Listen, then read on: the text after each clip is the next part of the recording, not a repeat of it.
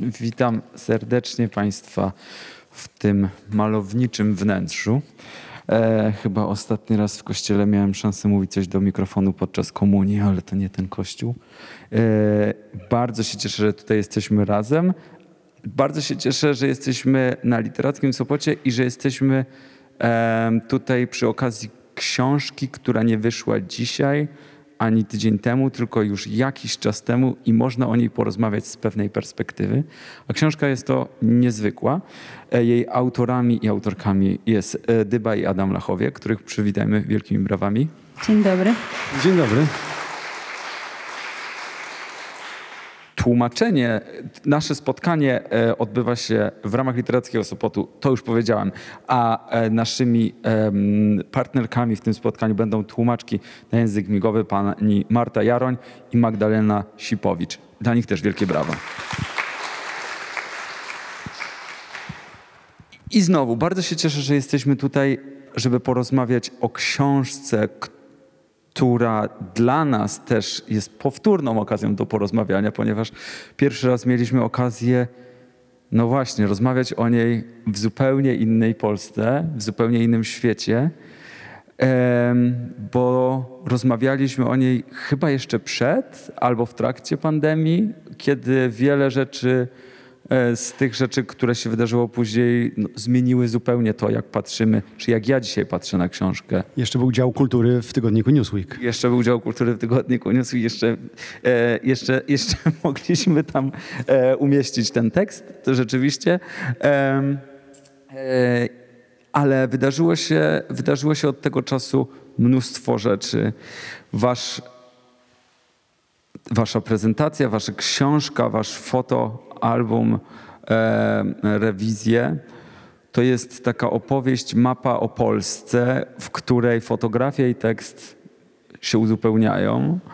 To jest zapis wielu tygodni, miesięcy w drodze do Polski, którą której się nie odwiedza zazwyczaj. Podobno politycy PiSu na tym zbijają e, swoje głosy, że jeżdżą tam, gdzie nie jeżdżą politycy innych partii, ale wy wykonaliście przestali. jeszcze więcej. Oni w międzyczasie przestali tam dojeżdżać. O, może to całe szczęście dla Polski i, e, i i zanim sobie porozmawiamy o tym, co chyba najbardziej nas interesuje, czyli o tym, jak, jak to jest wrócić do tej książki, to porozmawiajmy chwilę o tym, jak ona powstawała.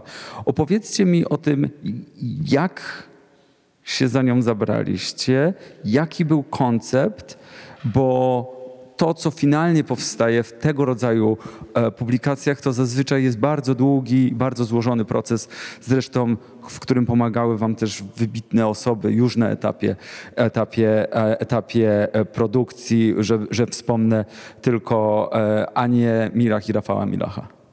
Tak. 2015 rok. Siedzimy gdzieś w Warszawie i zaczynamy rozmawiać o naszym kraju. Zaczynamy rozmawiać o tym, czy go opuścić, czy wyjechać. E, nie chcemy. Ja stawiam warunek. Tak, to ja postawiłem warunek, nie? No na pewno. Ja postawiłem warunek, że ok, możemy wyjechać, ale najpierw musimy przez ten kraj przejechać. Ja muszę zrozumieć, o co tu chodzi. Ja muszę wejść do każdego mieszkania, a że mam, a że pracuję 20 lat już ponad w mediach, to mnie swędzi cały czas, nie? Jakby yy, i i jak stwierdzi, nie wiedzieliśmy, że to będzie tyle trwało, ta cała podróż przez ten kraj, bo to trwało 4 lata prawie, nie? E, I chcieliśmy przejechać i zadać podstawowe pytania, nie? Możesz... No podstawowe albo nie, no bo... Mm, znaczy dla nas takie podstawowe. Bo też z tym wyjazdem to nie jest tak, że my stwierdziliśmy, o dobra, to wyjedziemy, tylko po prostu mieliśmy taką pokusę, żeby trochę, żeby przez jakiś czas pomieszkać w ogóle poza Polską i spojrzeć na nią z dystansu. I jeszcze nam się nie udało tego zrobić, ale ja bardzo bym chciała, żeby to się wydarzyło, bo to jest, wydaje mi się też z takiej twórczej perspektywy bardzo ciekawe. Ale mm, no to, co nas y, zdecydowanie zaczęło zastanawiać tak życiowo, no bo w pewnym momencie my byliśmy y, ze sobą jakiś czas razem, y, w, międzyczasie wzięliśmy ślub, zaczęły pojawiać się takie pytania, gdzie zapuścić korzenie. No i myśmy się po prostu zaczęli zastanawiać, czy ta Polska, która gdzieś tam od 2010 roku, kiedy ten Smoleńsk zaczął pewne rzeczy uruchamiać, czy mm, uwidaczniać pewne pęknięcia, to jak my się w ogóle ustosunkowujemy do tego, kto nas otacza przede wszystkim. Nawet nie jaki jest ten kraj jako jakieś miejsce na mapie, tylko kim są ci ludzie, którzy, którzy są przedstawicielami tego społeczeństwa, co my. No bo zaczęliśmy odczuwać jakieś pewne pęknięcia, właśnie pewne rysy, które, czy, czy jakieś różnice. My też zaczęliśmy konfrontować się ze sobą sami, bo ja urodziłam się w Warszawie, y, co w latach 90. było wschodnią Polską, nie ukrywajmy, a Adam u- urodził się i całe życie spędził na zachodzie, w, sensie przy, przy zachodnich granicach, czyli Szczecin, Zielona Góra, Wrocław. I nagle się okazało, że takie banalne rzeczy typu y, to, jak byliśmy uczeni historii na lekcjach, to jednak była trochę inna perspektywa. I mm, ja w, jeszcze wychowana w Warszawie, w micie, absolutnie micie powstańczym, właśnie bardzo blisko kościoła, y, to mm, moje życie wyglądało, mimo że ja jestem 10 lat prawie młodsza, to moje życie wyglądało zupełnie inaczej i było osadzone w zupełnie innych wartościach niż to życie bliżej tego zachodu, gdzieś było coś innego czuć. Czyli chcesz powiedzieć, że być może to mapa bardziej determinuje to, kim jesteśmy, niż oś czasu? Myśmy to chcieli sprawdzić, tak, bo nam się wydawało, że te przesunięcia są bardzo dziwne i że fajnie by było je właśnie zmapować dosłownie. Okej, I, i właśnie porozmawiajmy o tym, co, co zrobiliście, bo, bo mm, wykorzystaliście ten aparat, który, mm, który daje nam reportaż. Wyjechaliście w Polskę, mieliście jakieś konkretne założenia. Ja jeszcze tylko zastanawiam się, czy w ramach może poznania tej książki możemy przekazać e, Tak, do może zobaczenia. zobaczyć, tak, proszę sobie- przejrzeć, bo, Mo- może no, to to jest dość będzie też- specyficzna publikacja po prostu. ja Będziemy bym prosił, żeby nie czytać wszystkiego od razu naraz, bo to, w, bo, to- bo to trochę zajmuje, żeby jakby ludzie mogli e, jakby i- żeby Żebyśmy- trochę pomacać na tej zasadzie tą I Polskę. przejrzeć. E, Czyli tę Polskę. Mhm. I, i prze, wyjechaliście, stworzyliście sobie jakiś harmonogram, plan, jak to wyglądało i co chcieliście w tych miejscach osiągnąć?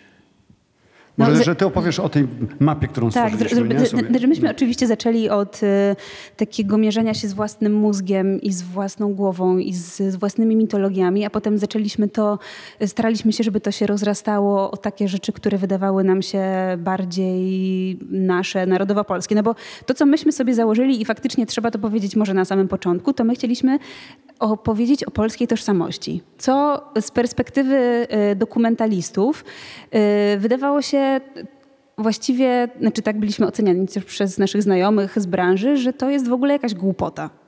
No bo jak można opowiedzieć o czymś, co nie istnieje? Tożsamość to jest takie pojęcie, które dla każdego znaczy coś innego. To nie jest temat typu bieda w Polsce, albo Tak, taki- y, to, to taki nie jest takie hasło list, dziennikarskie, nie? Przy którym można się zatrzymać. A my nie? chcieliśmy znaleźć jakiś taki sposób na to, żeby opowiedzieć o esencji polskości, o tym, co nas trochę gryzie, o tym, co nas trochę boli, o tym, co nas fascynuje, co nas charakteryzuje, o jakimś takim w ogóle tym podskórnym poczuciu nostalgii, o, o właśnie o tych mitologiach, o których e, pisał Wyspiański, e, a, a potem wielu innych po nim. I wydawało nam się to niesamowicie ciekawe i w tamtym momencie wydawało nam się właśnie to fascynujące, żeby dotrzeć do jakiegoś takiego, no, gdzieś do takich cech, które mm, niezależnie od tego właśnie, w jakiej części Polski mieszkamy y, i jakie są nasze historyczne uwarunkowania, czy przeszłość naszych rodzin, to gdzieś będą wspólne dla jakichś e, grup. Mm, I staraliśmy sobie to, staraliśmy się to jakoś zmapować. W związku z tym zrobiliśmy taką gigantyczną tablicę i pracowaliśmy jak agenci CIA, czyli narysowaliśmy sobie Polskę i w tej Polsce zaczęliśmy umiejscawiać różne hasła, właśnie różne mity, różne pojęcia, które wydawały nam się znajome z tego takiego potencjału kulturowego, który mieliśmy oboje najpierw, a potem sięgaliśmy jeszcze do literatury, do muzyki. To narastało w trakcie naszej, y, naszej podróży. Zaczęło się od Wielkopolski tak naprawdę. Ja, ja, ja pamiętam taki szybki moment przy okazji pracy nad kolekcją wrzesińską, y, tak w skrócie. Jestem na zawodach MMA, y, jest września, jest Słupca, takie dwie miejscowości Nie obok, walczy, ale nie walczyłeś. obok siebie. Ja nie walczyłem, ja, ja tam chciałem zrobić jakieś fotografie. I nagle wychodzi zawodnik ze Słupcy jakaś grupka ośmiu, siedmiu, osiemnastolatków krzyczy łańcuchy, łańcuchy, łańcuchy. Ja mówię, o co im chodzi tak naprawdę, nie? A więc następnego dnia zapytałem się znajomych, którzy byli we wrześniu. Oni mi- wytłumaczyli, że Słupca była za zaborem, znaczy ona była w zaborze rosyjskim, a września... y, y, y, rosyjskim, a września była w zaborze pruskim. I wrześniacy wołali na ludzi ze, ze Słupcy, że oni są za łańcuchami. Oni na siebie i oni jakby tworzyli takie swoje określenie łańcuchy, łańcuchy. I mnie to zastanowiło, że w 2015-16 roku wśród osiemnastolatków istnieje taka identyfikacja, która miała miejsce 200 ponad lat temu. A więc my na pewno wiedzieliśmy, że my musimy się cofnąć w tej historii o 200 lat tak naprawdę. A więc to było jedno z pierwszych miejsc, gdzie my zaczęliśmy poszukiwać. I w ogóle w tamtym miejscu, we, we, we Wielkopolsce, zaczęły nam wyrastać naprawdę niezwykłe opowieści. I, i, my, I ja wtedy trochę zacząłem się obawiać i bać tak naprawdę i ty chyba też, że, że czy my temu podołamy, nie? Czy to nie będzie po prostu głupie to, co my stworzymy, no bo, no bo, no bo przecież jak my to ogarniemy wszystko razem, nie? Chcesz powiedzieć, że jakby tych e, tematów jeszcze przed realizacją narastało i narastało coraz więcej, tak? Y, ale to, to są też tematy, które wydaje mi się w jakiś sposób mm, funkcjonują w naszych przekonaniach y, o nas samych. Nie wiem, polska gościnność, prawda? E, Pamiętam, że rozmawialiśmy o, o tym, jak to, jak, jak szybko przekonaliście się, że jeżdżąc po Polsce, że, że to nie jest tak z tą polską gościnnością, jak my sobie to wyobrażamy. Pan, możecie coś o tym opowiedzieć? Tak, i to jest w ogóle bardzo ciekawe, bo to jest jeden z tych aspektów, który zmienił się radykalnie w momencie pojawienia się czynnika zewnętrznego, do, do czego pewnie za chwilę przejdziemy, nie? Bo jak myśmy jeździli po Polsce, to ten mit polskiej gościnności był dla nas y, niesamowicie ym, jakiś taki nie do przeżycia, bo okazywało się, że ludzie są naprawdę bardzo sympatyczni i bardzo chętnie mogą ym, nawet się odsłonić z jakimiś swoimi personalnymi historiami, ale na przykład tak bardzo wstydzą się swoich domów, że przyjmują cię na podwórku, że przekroczenie tego progu domu jest czymś, co już narusza tę gościnność albo narusza prywatność. I to, To jest było... bardzo ciekawe, bo fotograficznie, nie wiem, Zofia Rydet, właśnie o tym pomyślałem. Tak, no nie? tak, tak, że tak, tak, jakby tak. jej się udało wejść do domu, e, więc to, to jest coś, czego może my nie potrafimy docenić, a jednak wy jako fotografowie, fo- e, jako artyści, no, zobaczyliście, jak trudne to może być. Prawda? Tak, a z kolei to jest właśnie to, co się tak bardzo zmieniło y, i czego, co było właściwie ciężkie do przewidzenia, że nagle y, m, właściwie każdy Polak ma albo w swojej rodzinie, albo sam, albo ma wśród swoich znajomych ludzi, którzy przyjęli uchodźców z dnia na dzień y, i przez wiele miesięcy niektórzy do tej pory po prostu użyczają swoich lokali właśnie w ramach jakiegoś takiego aktu serca i to było fascynujące, bo, bo, bo wtedy w tamtej podróży w życiu bym tego nie powiedziała. Wydawało mi się to już taką mitologią, która jest w ogóle nie, nie przystająca do rzeczywistości. A jednak w nowych okolicznościach e, historii okazało się, że, to, że tak, że to działa. A, czyli zmieniło się coś, co w jakiś sposób e, z, można byłoby nazwać pozytywną zmianą. Tak, tutaj Okej. tu zdecydowanie. Tu Okej. zdecydowanie tak. E, I, o, bo, bo, bo generalnie będzie nad tą rozmową ciężył duch negatywnej zmiany, więc tutaj chyba te pozytywne e, aspekty skończymy, ale, ale zanim, zanim o, tym, o tym powrocie do albumu, to jeszcze o zdjęciach, o tych, e, bo, bo, bo fotografia, mm, którą, którą nam dostarczacie, nie jest ilustracją, e, nie jest czymś w rodzaju reportażu, mm, który by się mm, ukazał e, jako, jako mm, ilustracja prasowa w, taka, w, takim, w, takim, w takim oczywisty sposób. Zastanawiam się, e, jaką formę wizualną chcieliście te, te opowieści ubrać, jak, jaki kształt jej nadać? Na początku ta wizualna strona była dla nas jakby siłą rzeczy niezwykle jakby istotna. My nad tym bardzo długo pracowaliśmy, długo się zastanawialiśmy, jaki sposób pracy jakby przyjąć. I w głównej mierze rzecz polegała na tym, że nam zależało na tym, żeby, żeby ta fotografia ona nie, jakby nie niosła za sobą takich niuansów pewnych. Żeby ona stała się uniwersalną fotografią, żeby ona nie mogł, żebyśmy nie mogli się jakkolwiek umiejscowić i w miejscu, i w czasie, żebyśmy wiedzieli, że gdzieś jesteśmy. Ja pamiętam takie, takie opowieści, które już dostawaliśmy po premierze, gdzie ludzie mi mówili, ja to skądś znam. I nam trochę o to chodziło, nie? że jakby żebyśmy stworzyli jakąś, jakieś takie wrażenie, a nie konkretne wydarzenie. Jakby na tym całość polegała. My też, my, my też dlatego trochę od mediów odeszliśmy, bo my wiedzieliśmy, że jakby z taką fotografią no nie możemy tam trochę przejść, nie?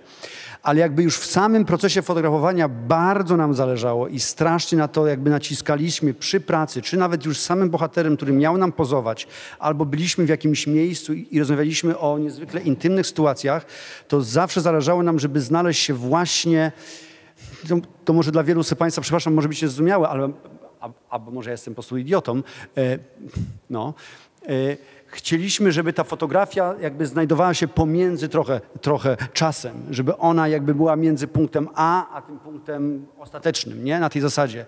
Trochę pomiędzy gestami, pomiędzy... Trochę pomiędzy gestami. e, Jest takie piękne zdjęcie, kiedy ludzie klękają. e, Albo wstają, wstają, albo szykują się do wstają. startu. E, ciężko, ciężko. Albo startują, albo lądują. no właśnie, jakby, nie wiadomo. ciekawe. Jakby też nam trochę o to chodziło. No, w, w, tam jest taka fotografia i ona faktycznie... Yy, tam jest y, taka fotografia i ona faktycznie to tak bardzo jaskrawo obrazuje, nie? To coś pomiędzy, ale tam też są pewne gesty, które też są gdzieś jakby zniuansowane i Rafał Milach, nasz przyjaciel, który edytował tę książkę, on też jakby starał się to dość jawnie wprowadzić, na przykład wprowadzając tam takie pewne s- trzy Powtórzenia, sekwencje, tak, tak, tak. trzy sekwencje Aha. jakby, jakby pewnego dziania się, nie? Tylko y, nas nie obchodzi, czy to idzie w, w kierunku dodatnim, czy ujemnym. Jakby, I o to nam chodziło, o tą uniwersalność. Jeszcze trochę tych fotografii. zro- zrobię krok do tyłu w tym języku wizualnym, bo wydaje mi się, że w języku e, tym literackim też to się wydarzyło.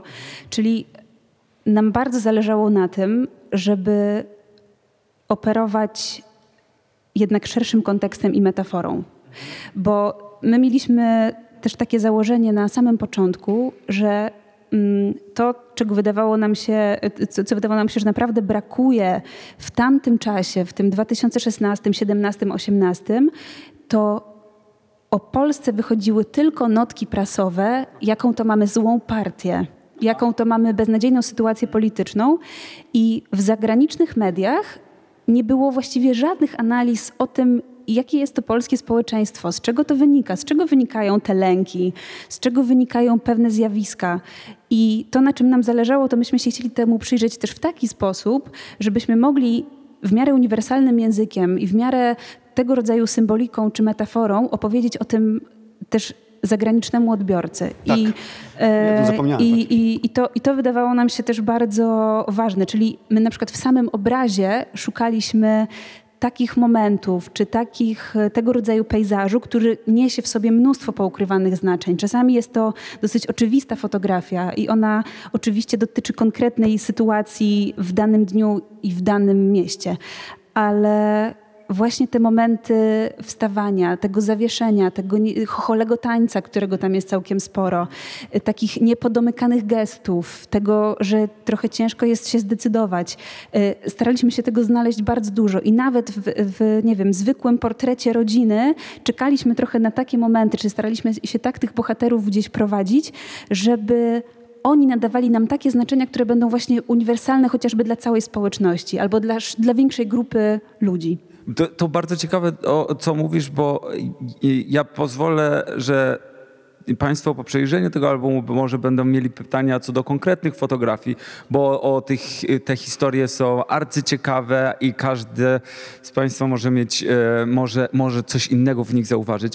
Ja raczej, m, mając szansę oglądać e, wielokrotnie ten album, zauważyłem w nim coś, co o czym, o czym chciałbym porozmawiać przez chwilę, to znaczy wy nie em,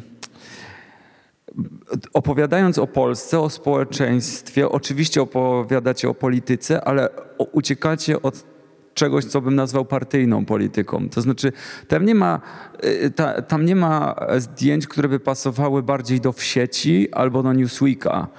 E, I zastanawiam się, czy to nie jest tak, że no, masz doświadczenie pracy w mediach konwencjonalnych, e, drukowanych, gdzie, gdzie e, coraz mocniej podkręca się tą polaryzacyjną podkrętkę, a wy stworzyliście coś, co ja bym nazwał taką właśnie postmedialną prezentacją Polski. Zastanawiam się, czy wy uciekaliście, znaczy, czy celowo szukaliście czegoś, co nie będzie tu i teraz w znaczeniu politycznym E, i co, co wam, czy, czy to nie było trochę, czy nie ma się, wiadomo, każdy ma serce po jakiej stronie i łatwo jest mu ciążyć do, do, do, do powiedzenia i pokazania czegoś, to trzeba było się jakiś, w jakiś rodzaj, um, um, nie, nie chcę powiedzieć um, cenzury, ale jakiś, jakoś się edytować?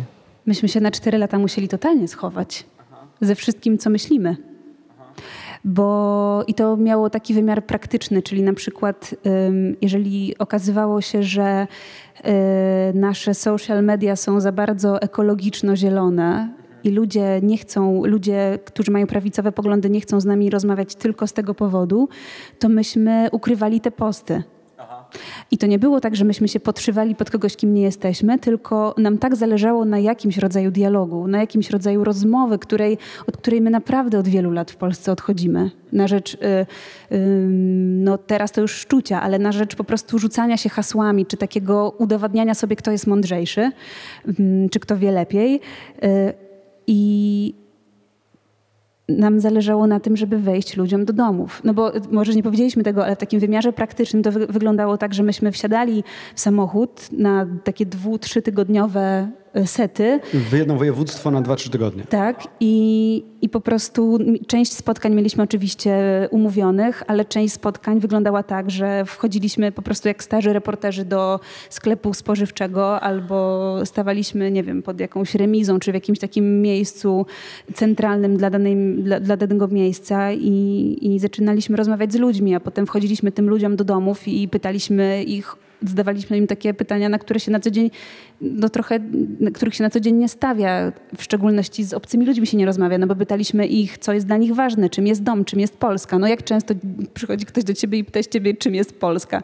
To były jakieś totalnie abstrakcyjne y, takie sytuacje, ale bardzo szybko okazywało się, że ci ludzie chcą rozmawiać, że oni mają potrzebę rozmawiać, dlatego że my bardzo niewiele mamy okazji do takiej rozmowy współcześnie. I w, o ile jakby rozmawiając z ludźmi, to tą, to tą niezwykle dbaliśmy o tą neutralność, niezależnie z kim rozmawiamy. Nigdy jakby nie zdradziliśmy swoich poglądów. Była jedna sytuacja, gdzie ktoś nas zapytał, a co my sądzimy o, ale czuliśmy, że, że i ludzie byli naprawdę ciekawi naszego zdania i tylko wtedy raz po prostu e, jakby zdradziliśmy swoją opinię na dany temat. E, ale co do fotografii, to to jest dość trochę bardziej skomplikowana sytuacja, bo dużo ciężej albo dużo łatwiej jest przekroczyć jednak tę barierę tak naprawdę, mam wrażenie, przy robieniu zdjęć, że możesz pójść trochę za daleko tak naprawdę. Nie? I tutaj też bardzo o to dbaliśmy, żebyśmy przede wszystkim zachowali tą, e, e, znaczy, no, my do każdej fotografii, do każdej osoby podchodziliśmy z własnym doświadczeniem, nie? I jakby to na tym polegało.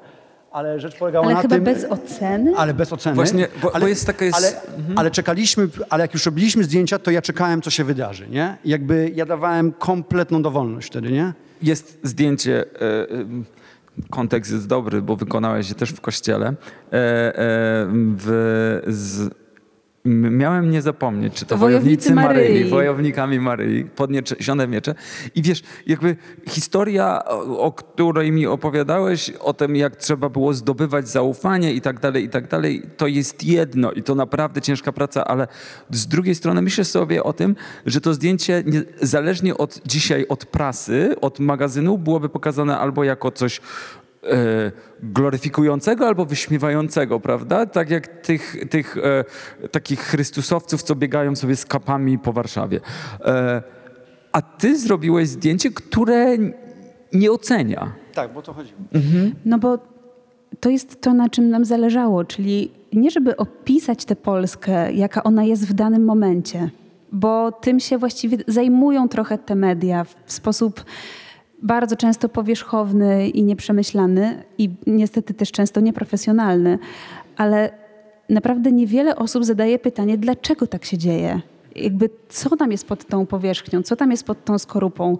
Skąd się bierze to, że 300 facetów ma potrzebę pojechać na rekolekcję tylko dla mężczyzn i stać z metalowymi mieczami i śpiewać Bogu rodzice? No jakby to jest to pytanie. Nie? I teraz jeżeli my do tego dopiszemy jakiś y, oceniający, czy mówiący dokładnie, co tam się wydarza, no to wszyscy wrzucają ich do wora y, katotalibów, wariatów, y, Albo obrońców moralności. obrońców, tak, tak, tak, tak, którzy biją żony, albo nie mają tych żon, albo są y, kryptohomoseksualistami. Jakby my mamy tak dużo pomysłów na to, jak to można opisać. Wiemy lepiej, kim są ci Oczywiście, tylko teraz i jeżeli my to wszystko wykorzystamy, bo można zrobić takie zdjęcie i można napisać taki tekst.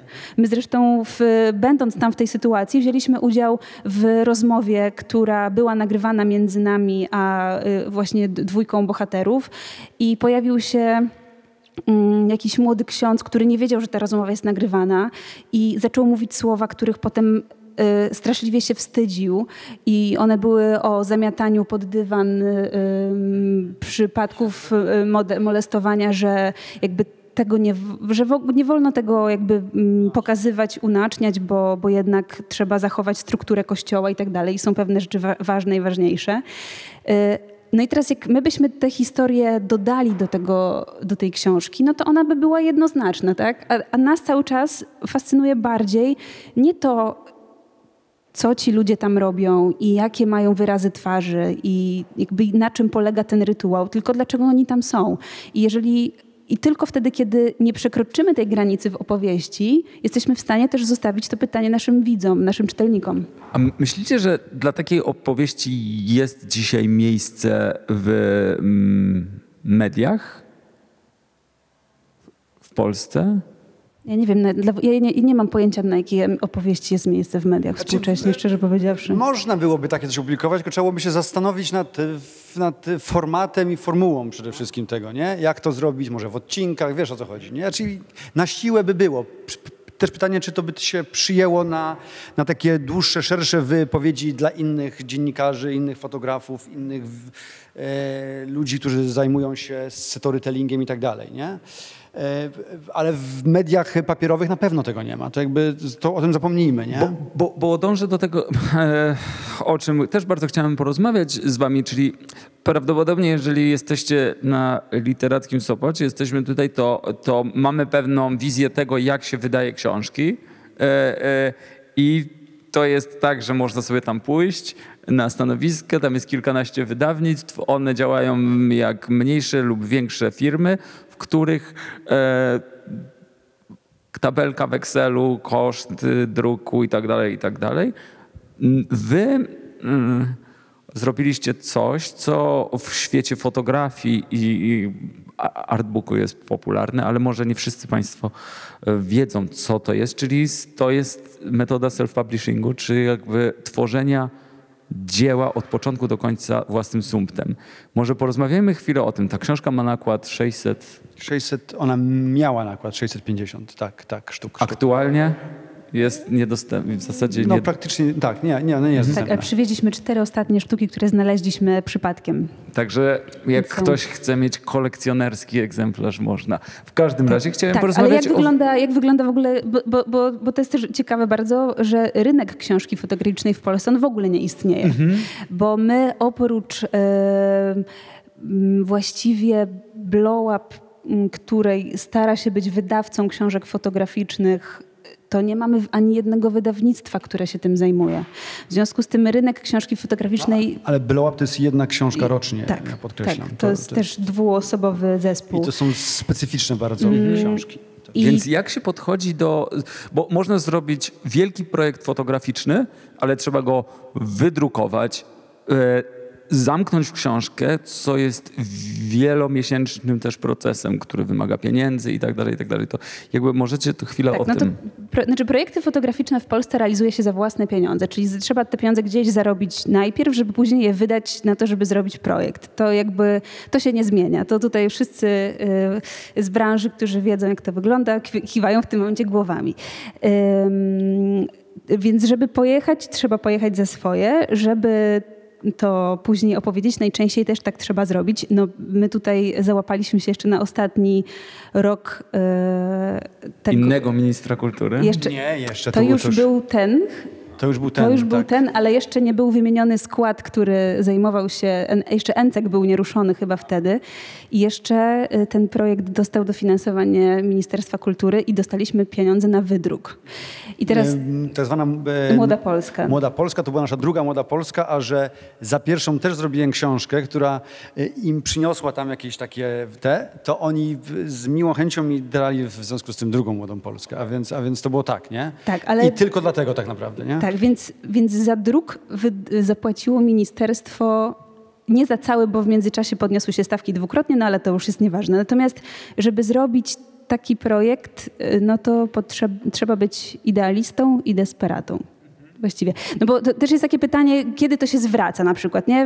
Nasi znajomi zadawali nam pytanie, no dobrze, a kiedy to wam się to zwróci? No to się, proszę Państwa, nie zwraca, to po prostu się robi, żeby móc zrobić książkę i żeby Po prostu. Y, Znaczy, to jest przede wszystkim, my mamy też taki proces pracy, bo już tych książek tak, tam kilka zrobiliśmy, a więc my podchodzimy do książki jak trochę do kinematografii, czyli my jakby zbieramy ekipę ludzi, która zajmuje się konkretnymi rzeczami i, i my mamy to z głowy na tej zasadzie, a że wzięliśmy najlepszych z najlepszych, to mieliśmy naprawdę kompletny spokój, bo Ania jest, jest nie wiem czy, czy, czy Państwo wiedzą, ale Ania jest chyba jednym z najbardziej utytułowanych yy, projektantek projektantek książek fotograficznych na świecie, naprawdę. I to jest jakby tak, że mamy tutaj najlepszych ludzi, dosłownie rzecz biorąc, u nas w, No ale w kraju, tak od takiego, w takim faktycznie praktycznym wymiarze, no to oczywiście jak, ym, jak, jak y, autor bądź autorka piszą książkę, no to też wracają przecież po latach albo po miesiącach pracy nad danym tekstem z ogromem materiału i zawsze wtedy potrzebny jest y, mm, ktoś, kto przyjmuje fun- funkcję redaktora, później jest jeszcze korekta.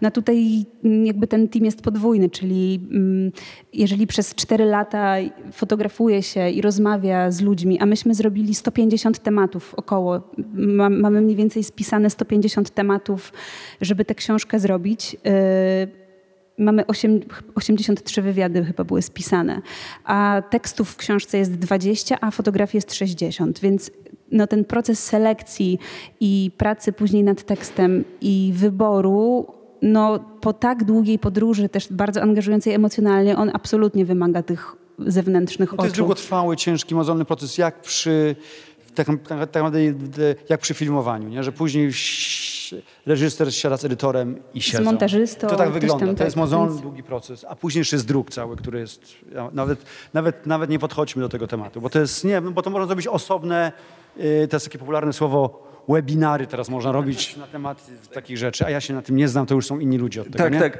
Y, y, Bo ja, ja raczej dążę do tego, że e, żeby zrobić wypowiedź reporterską, artystyczną, no znowu użyję tego postmedialną, e, bo żyjemy w kryzysie mediów, więc żeby zrobić wypowiedź, za którą można wziąć odpowiedzialność, trzeba tak naprawdę za nią zapłacić. E, Żyłeś w świecie, w którym ktoś płacił tobie za robienie zdjęć, które mu opowiadały o Polsce, a teraz, żeby zrobić to, trzeba było zapłacić samemu za swoją pracę. No, y, słuchaj, no, no niestety, no, tak to jest. Znaczy mnie to, ja też widzę, jakie są moich znajomych na zachodzie. U nich nie jest też lepiej jakoś, jakoś znacznie lepiej, ale jest na pewno trochę lepiej, nie? Oni mają zupełnie inne sytawki. Ja od, nie wiem, 6-7 lat w ogóle nie pracowałem dla polskich mediów w jakichś tam małych przypadkach, wyjątkach tak naprawdę, nie? Jakby... No też w ciągu tych ostatnich 10 lat, kiedy obserwujemy taki bardzo duży kryzys mm, prasy drukowanej, ale w ogóle, mediów w ogóle, no to też e, to jest dokładnie, to się, znaczy to się nałożyło na przykład na zniknięcie w ogóle branży fotograficznej w Polsce. To jest też bardzo ciekawe i to mm, ja myślę, że o tym niewiele się mówi, bo to jest taki trochę niewidzialny proces, e, bo myślę, że w zalewie obrazów, które produkujemy sami, ciężko jest zauważyć, że zniknęli fotografowie, ale większość fotografów się przebranżowiła, część poszła w film, pewnie bardzo nieduża grupa, ale większość z nich pracuje zupełnie poza zawodem i to też jest y, jakieś takie symptomatyczne, że myśmy po prostu y, nie wypracowali mm, takich mechanizmów, które ochronią ludzi, którzy opowiadają o tym świecie w bardzo No, precyzyjny sposób. Ale fotografia cały czas jest, m- może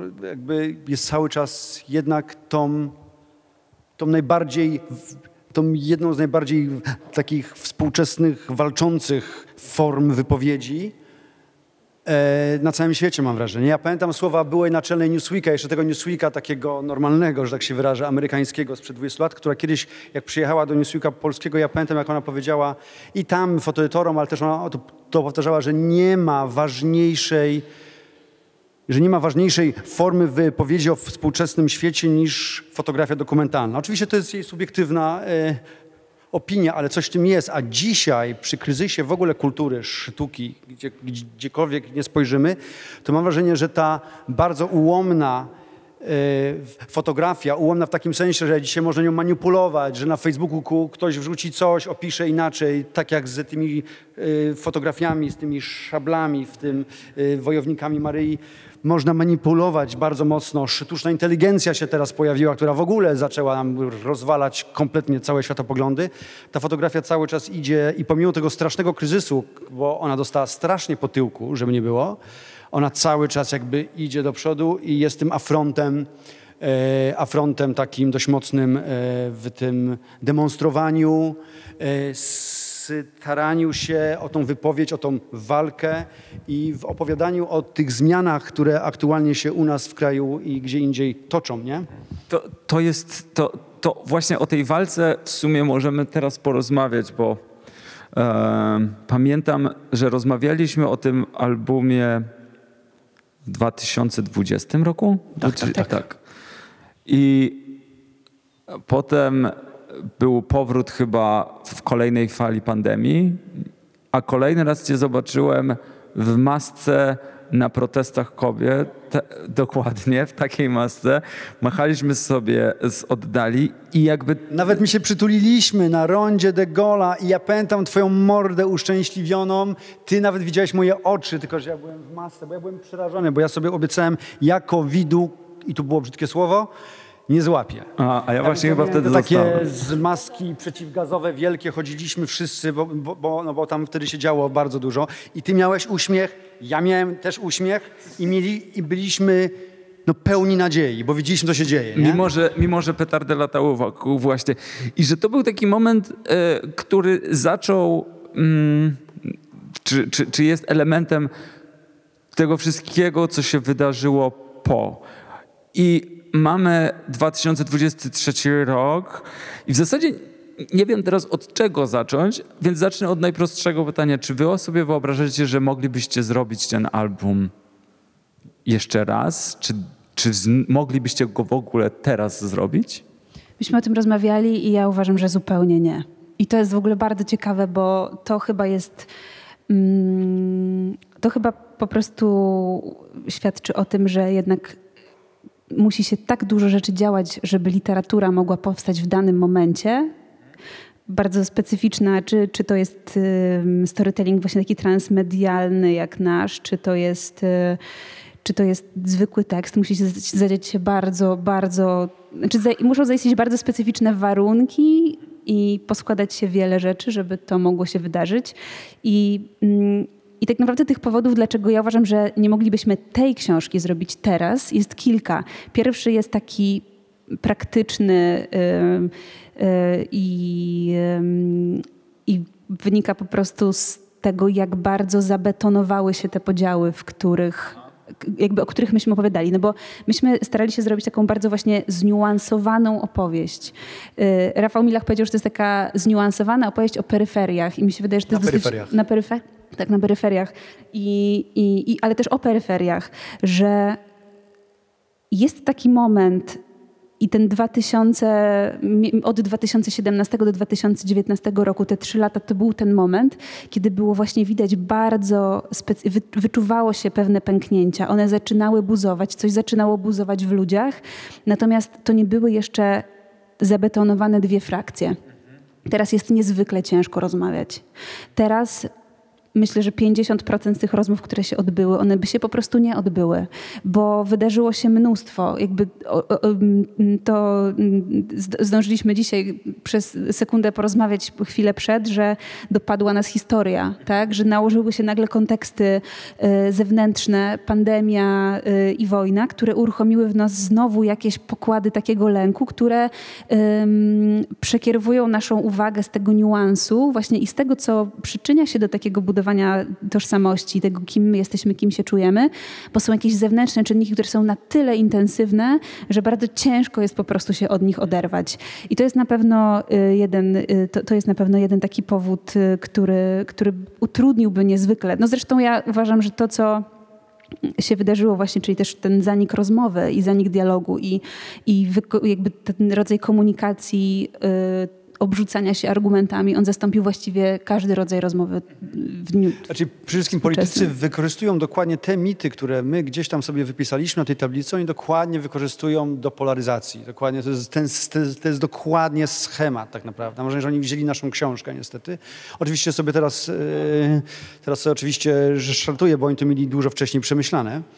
Ale no ja się tutaj z Dybą trochę nie zgodzę. Czy moim zdaniem my byśmy zrobili tę książkę, e, czyli my byśmy mogli jej tylko nie zrobić dlatego, że my jesteśmy inni.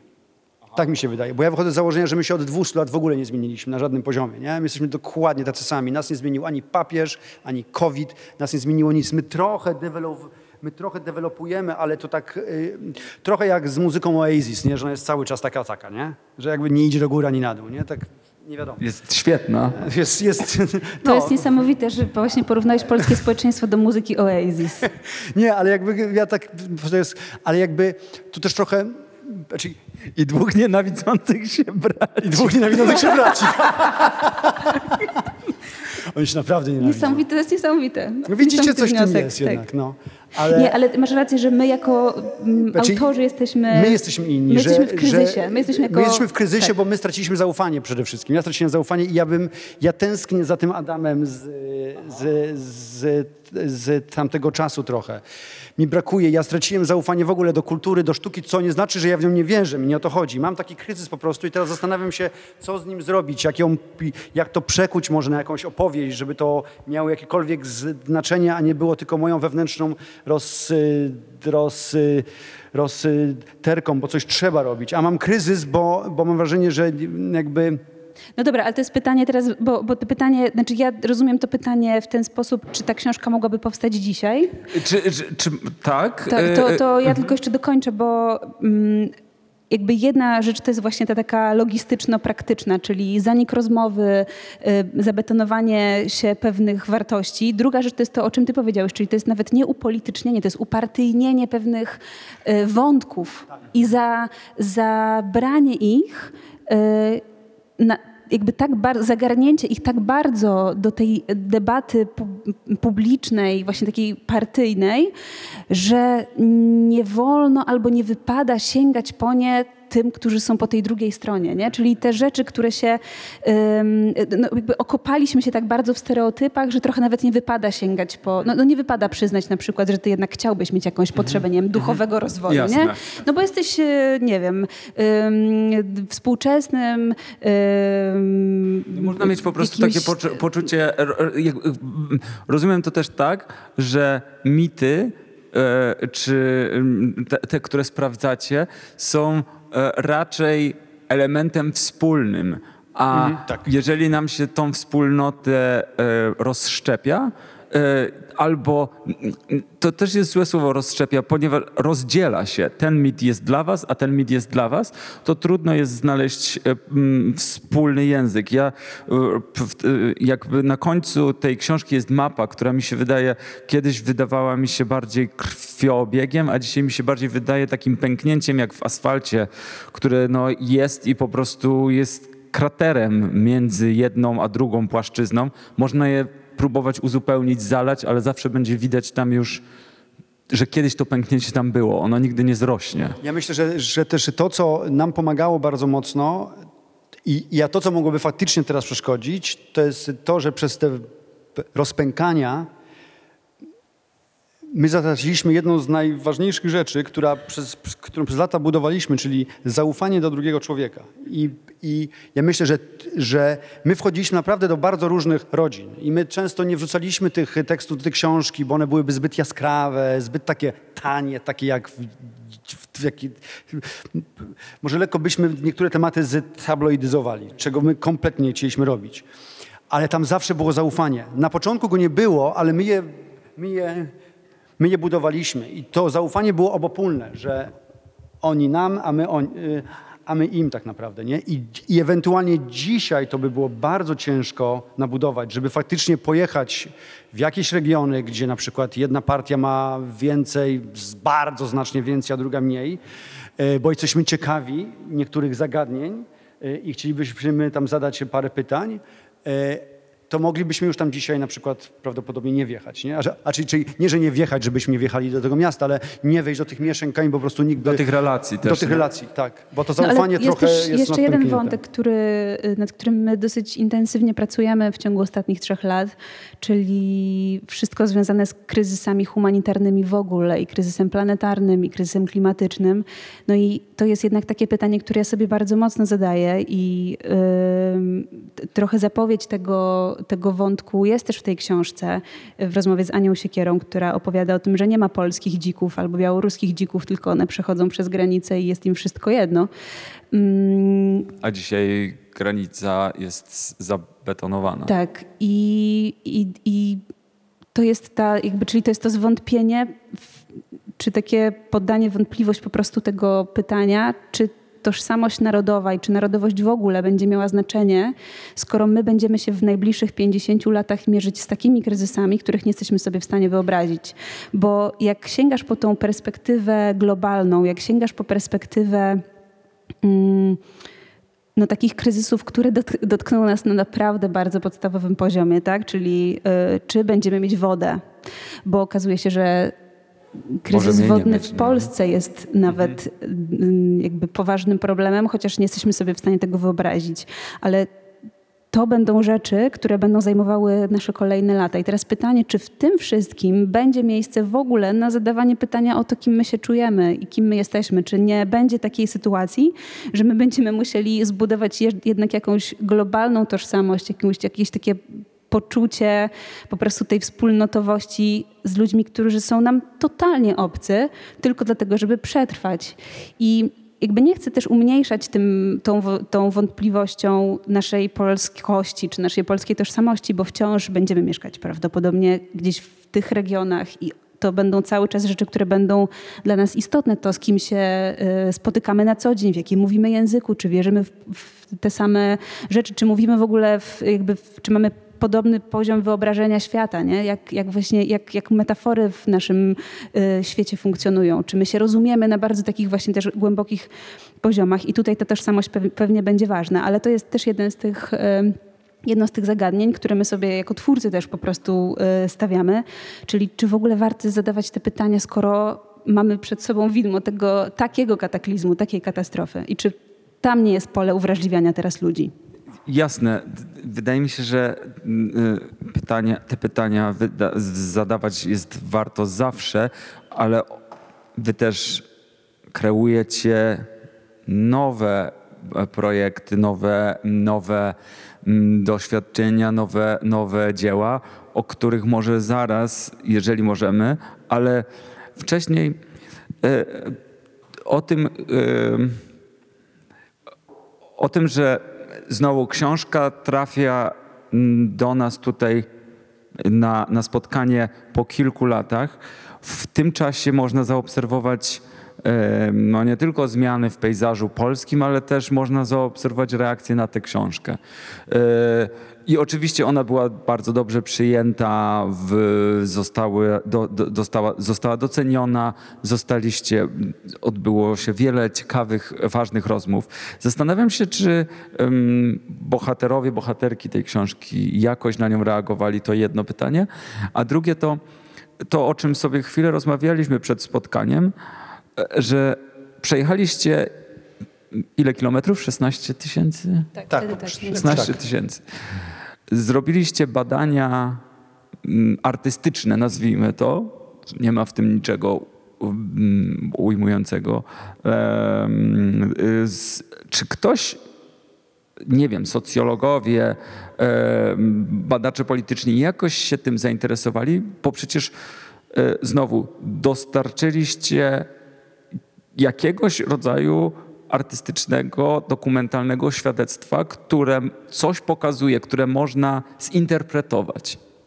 To, jak odbierali mm, tę książkę bohaterowie, ale też jak odbierali ją ludzie, to, no to było niezwykłe.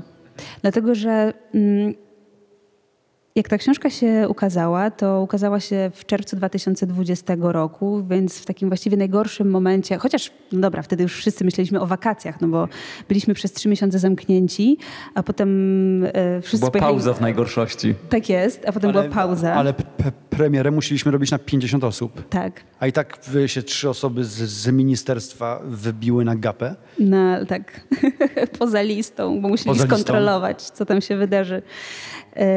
I zadawali nam bardzo dziwne pytania. Natomiast jak ta książka się ukazała, to i to jest właściwie to, co ja chyba sobie mam najbardziej do zarzucenia, właśnie w, trochę w strachu przed y, narażaniem ludzi po prostu też na, na te wszystkie pandemiczne kwestie, to myśmy z tą książką nie pojeździli. My mieliśmy taki plan, żeby po prostu z tą książką przejechać wszystkie małe miejscowości, robić spotkania autorskie, rozmawiać o niej, żeby wykorzystać ten materiał do rozmowy. I to był nasz plan od początku właściwie, że to będzie jakiś utwór, który będzie można po prostu później wykorzystywać do dalszej pracy. I to się nie udało ze względów takich totalnie praktycznych i właśnie z takiego poczucia odpowiedzialności, że to by było po prostu głupie. W związku z tym, jak ta pandemia się skończyła, to zmienił się też świat w międzyczasie. Y, Za chwilę wybuchła wojna za oknem i, i okazało się, że, że trzeba się zająć po prostu czymś innym też. Ale w tym krótkim czasie jakby odbierania tych recenzji, to było niezwykłe, dlatego że do nas ta książka, ona przebiła branżę. I to jest jeden z takich, jed, jedna z takich bardzo pozytywnych rzeczy, które, którą się udało z tą książką zrobić. Czyli jak się robi te książki fotograficzne, których jest bardzo niedużo, to one najczęściej trafiają do fotografów, jak się Państwo domyślają. I na konkursy I fotograficzne. na konkursy fotograficzne. Czasami nawet tylko na konkursy fotograficzne, bo nikt ich potem nie chce kupić. Ym, A książ ta książka jest w bardzo małym nakładzie, ale ona jest w domach prywatnych ludzi, którzy są w ogóle niezwiązani z branżą, w większości. I to jest piękne. Do nas docierały też różne reakcje na tę książkę. Nawet dostawaliśmy prezenty różne. Nawet dostaliśmy prezenty. e, od ludzi, którzy mówili: Dziękuję, zrozumiałam. Zrozumiałam, co mi doskwierało w życiu, albo nigdy nie pomyślałabym, że.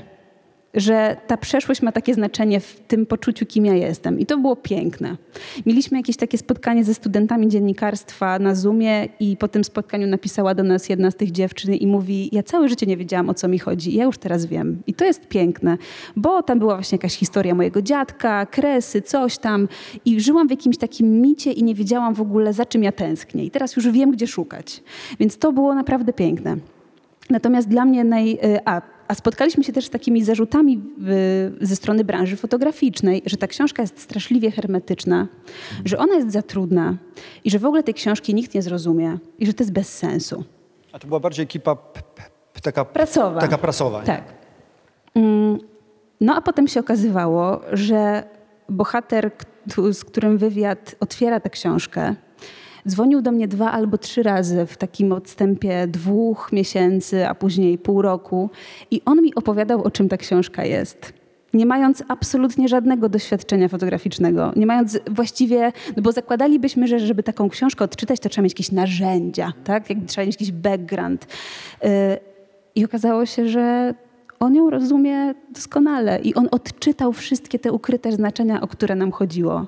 I to było naprawdę piękne, bo wtedy jakby zrozumieliśmy, że to nie ma znaczenia, kto tę książkę, znaczy, że, że, że ta praca, którą zrobiliśmy, ona nie wymaga jakichś nie wiadomo jakich narzędzi właśnie, jakiejś takiej, jakiegoś poziomu wykształcenia, że, i, czy, czy właśnie interesowania się wizualnością, że ona po prostu potrafi, że ona może być odczytana przez ludzi, którzy, którzy nawet sami tam są, nie? To jest, to jest y, szalenie ciekawe, bo wydaje mi się, że mamy takie poczucie przynajmniej, że sztuka niczego nie może zmienić, albo że sztuką się nie da zmieniać świata, bo no nie wiem, bo 650 egzemplarzy, 600 e, egzemplarzy to za mało, żeby dotrzeć. Ale chyba jest jednak tak, że e, sztuka, i to jest jej dobry przykład, działa na zasadzie kamienia rzuconego w, w wodę, gdzie roz, te kręgi się powiększają i powiększają i powiększają. Jakby ja wierzę, że może być tak, że trafi się ktoś, kto y, kogo dosłownie zainspirujecie do jakiegoś rodzaju badania, obserwacji, która no, ucieknie od tych partyjnych podziałów, a zarazem pokaże nam no, jakąś prawdę, zinterpretuje wasze, wasze, wasze dzieło sztuki. Ja to tak widzę. Jeżeli mogę takie słowo na koniec y, komentarza. Y, I bardzo wam za rewizję dziękuję. Y, Chciałbym zap- za- zapytać jeszcze Państwa o pytania z sali, bo to jest bardzo dobry moment. I już pierwsze pytanie y, z pierwszego rzędu. Także ja przekazuję mikrofon. Y, y, Dzień dobry Państwu, Ela Kinowska, dzień dobry. E, Bardzo ciekawe spotkanie dla mnie szczególnie. Już jestem zainspirowana. Ja chciałam powiedzieć po pierwsze, że ja dziękuję organizatorom literackiego za właśnie to spotkanie, którego tematem jest książka fotograficzna, bo ta książka jest formą opowieści. Wy stosujecie pewien kod i posługujecie się fotografią i posługujecie się słowem i to wymaga innego odbioru. Ale to jest piękne, bo to jest forma komunikacji też z odbiorcą, z czytelnikiem, można by powiedzieć. Także ja bym sobie życzyła może na przyszłość, to taka uwaga, może ktoś usłyszy z organizatorów w przyszłych edycjach, y, żeby zwrócono uwagę właśnie na taką formę wypowiedzi fotografów, autorów. Y, Druga refleksja mm, taka to jest y, o was, o tym, że ja już trochę was poznałam, poznałam waszą twórczość, jestem ogromną fanką waszej twórczości i wy dla mnie stanowicie monolit.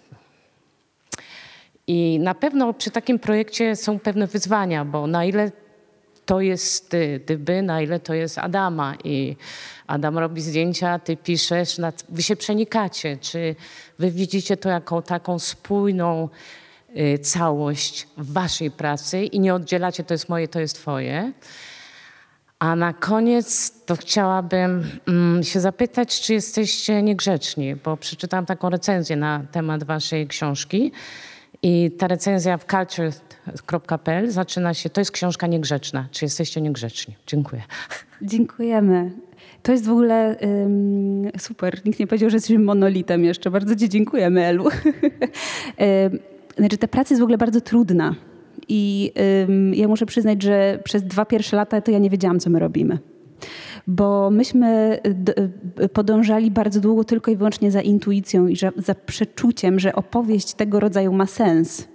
Bo to nie jest takie oczywiste. Właśnie już opowiedziałam o tej takiej praktycznej formie, że dziennikarze nasi znajomi się jakby, jakby ciężko im się było ustosunkować do tego, co my robimy, bo im się to wydawało bez sensu, takie właśnie nieokreślone.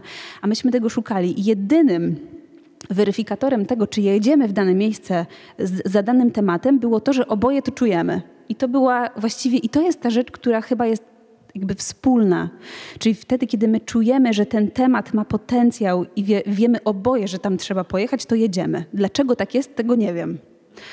Ale dopiero na miejscu się często okazuje, że tam padają jakieś słowa, albo tam jest jakiś rodzaj właśnie przesłania w obrazie, albo coś jest do sfotografowania, albo do sfilmowania, bo my też teraz dużo tym ruchomym obrazem y, pracujemy, co z obu tych perspektyw i z obu tych narracji, czyli i takiej wizualnej i znaczeniowej, wydaje nam się ważne i godne opowiedzenia. To, to jest tak rzecz, która nas właściwie spajała w tej drodze bardzo Musimy mocno. też dużo, no bo to ciężko jakby przedstawić to, jak to wygląda. Musielibyśmy pokazać jakieś też, jakieś może przykłady, ale tu się nie da akurat.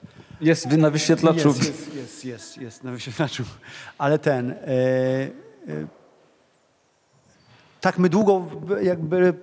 My długo rozmawialiśmy, a więc tutaj jest tak, że i pracowaliśmy razem nad tekstem, ale Dyba pisała i pracowaliśmy bardzo często długo nad każdą fotografią, chociaż to ja fotografuję, nie? Znaczy to ja jestem odpowiedzialny za ten taki finalną, ten, za ten finalny kadr, za ten obraz i za ten moment ewentualnie.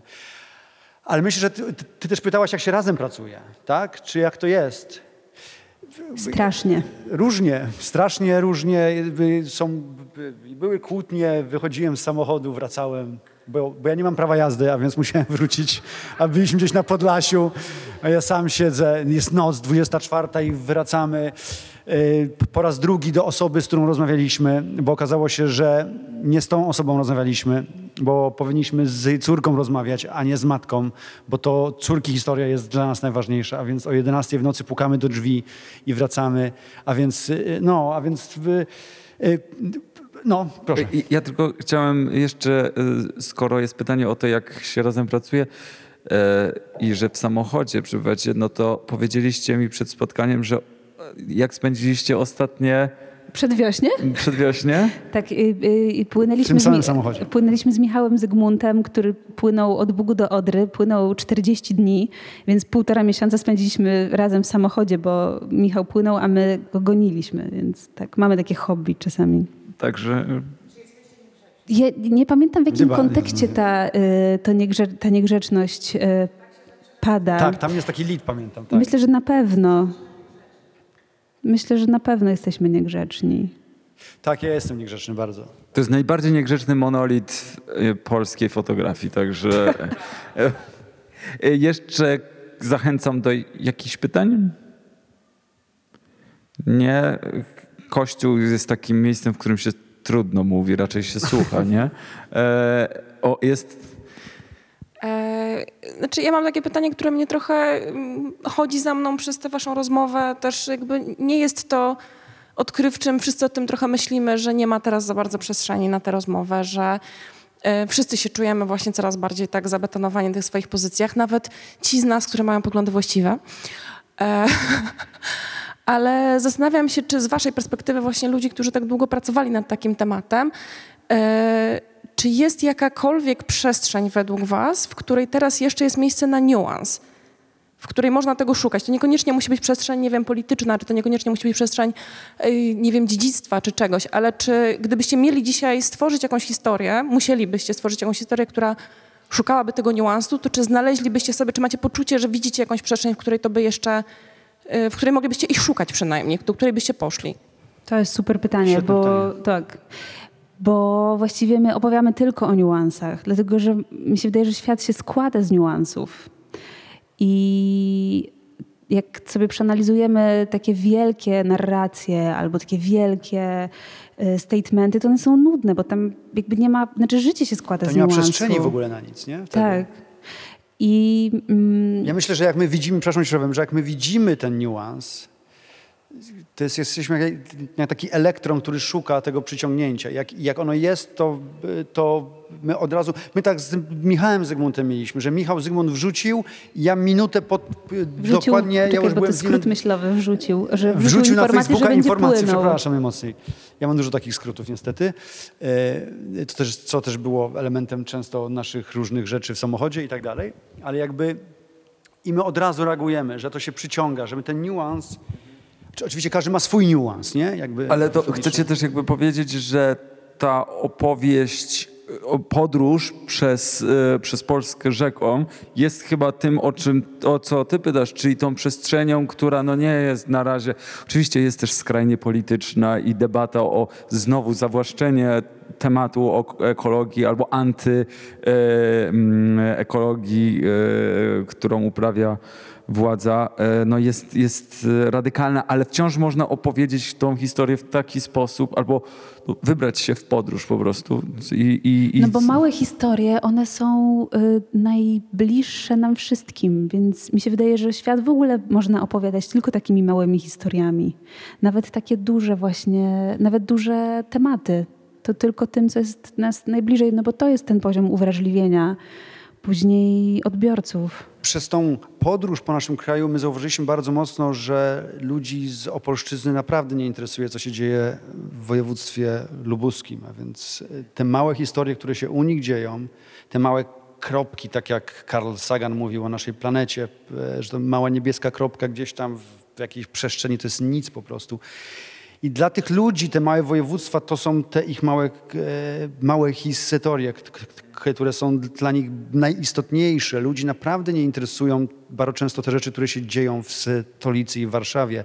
Jedyną rzeczą, która tak zjednoczyła nas Polaków, to był strajk kobiet, co wtedy tacy uśmiechnięci się spotkaliśmy.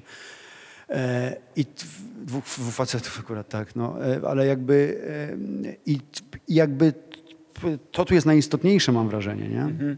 Też ciekawe, że wspomniałeś Karla Sagana. Ostatnio zacząłem oglądać e, Davida Attenborough, nowy, nowy serial, który zaczyna się od słów najbardziej, em, e, najprostszą formą obrony zwierząt jest migracja. I tego, to, że, że jakby tak, tak po prostu dbamy o to, żeby przetrwać. E, jeżeli, je- jeżeli ja, ja sobie jeszcze myślę o jednej rzeczy już na sam koniec, bo rozmawialiśmy o, o mediach i postmediach.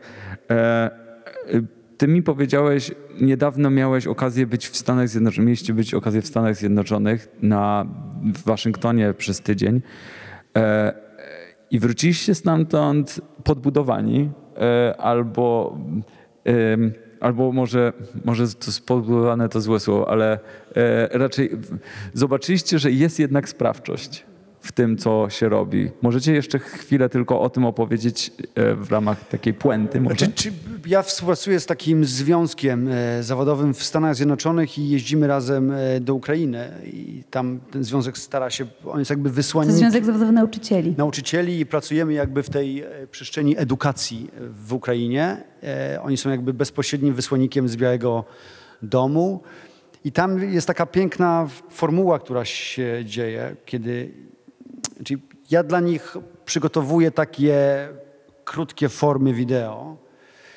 I, I tam faktycznie niezwykle czuje się to sprawczość, kiedy, kiedy ktoś o coś tam poprosi, bo po prostu potrzebują e- a pewnego sprzętu, to jest niezwykle, wiecie, ja pracuję 20 lat w mediach ponad i ta sprawczość, ona w mediach oczywiście jest. Ona, ona teraz trochę jakby niknie. Ona też nie jest taka bezpośrednia, bo ona działa w skali bardzo często globalnej. My nawet często tej sprawczości nie widzimy.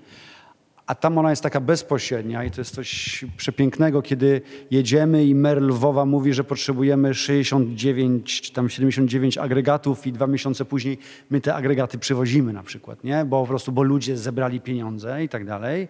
My tam przygotowaliśmy też, e, też e, e, jakieś wideo, które później jest wyświetlane wszędzie w sumie w Stanach Zjednoczonych, bo to i leci w Kapitolu, i w ABC, NBC, i wszystkich stacjach. Ludzie to widzą. I bardzo szybko zbierają te pieniądze. I to jest przecudowne. I to, To jest ta siła przepiękne. opowieści, to że jest ta nagle siła opowieści, okazuje nie? się, że, że właśnie taka historia po prostu opowiedziana w jakiś konkretny sposób przyczynia się jednak do robienia dobra. Nawet jeżeli to jest robienie polityki też gdzieś tam, to, to w tym No bo to jest pozytywny przekaz, e, to jest wiadomo, nie? Na takim poziomie. Tak, tak, tak, tak. Jakby czujesz sprawczość, prawda? Czuję sprawczość i ja, tam jest to taka fajna zasada, którą jak gdzieś tam kiedyś y, sobie stworzyliśmy we dwójkę, że jakby możliwość, że jakby jak jedziesz i podróżujesz, to stwarzasz pretekst do rozmowy, to wtedy po, powstaje możliwość słuchania.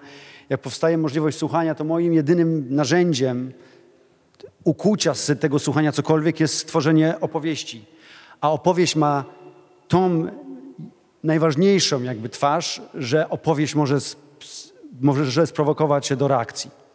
I o to w tej reakcji chodzi. I moim zdaniem cała sztuka, cała, cała w ogóle jakakolwiek formuła opowieści, czy książki, czy storytellingu reporterskiego, czy fotografii, czy malarstwa, rzeźby, muzyki, filmu, teatru właśnie powinna być pretekstem do reakcji.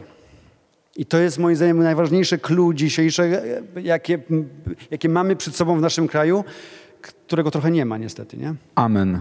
Dyba i Adam Lach. Dziękujemy bardzo.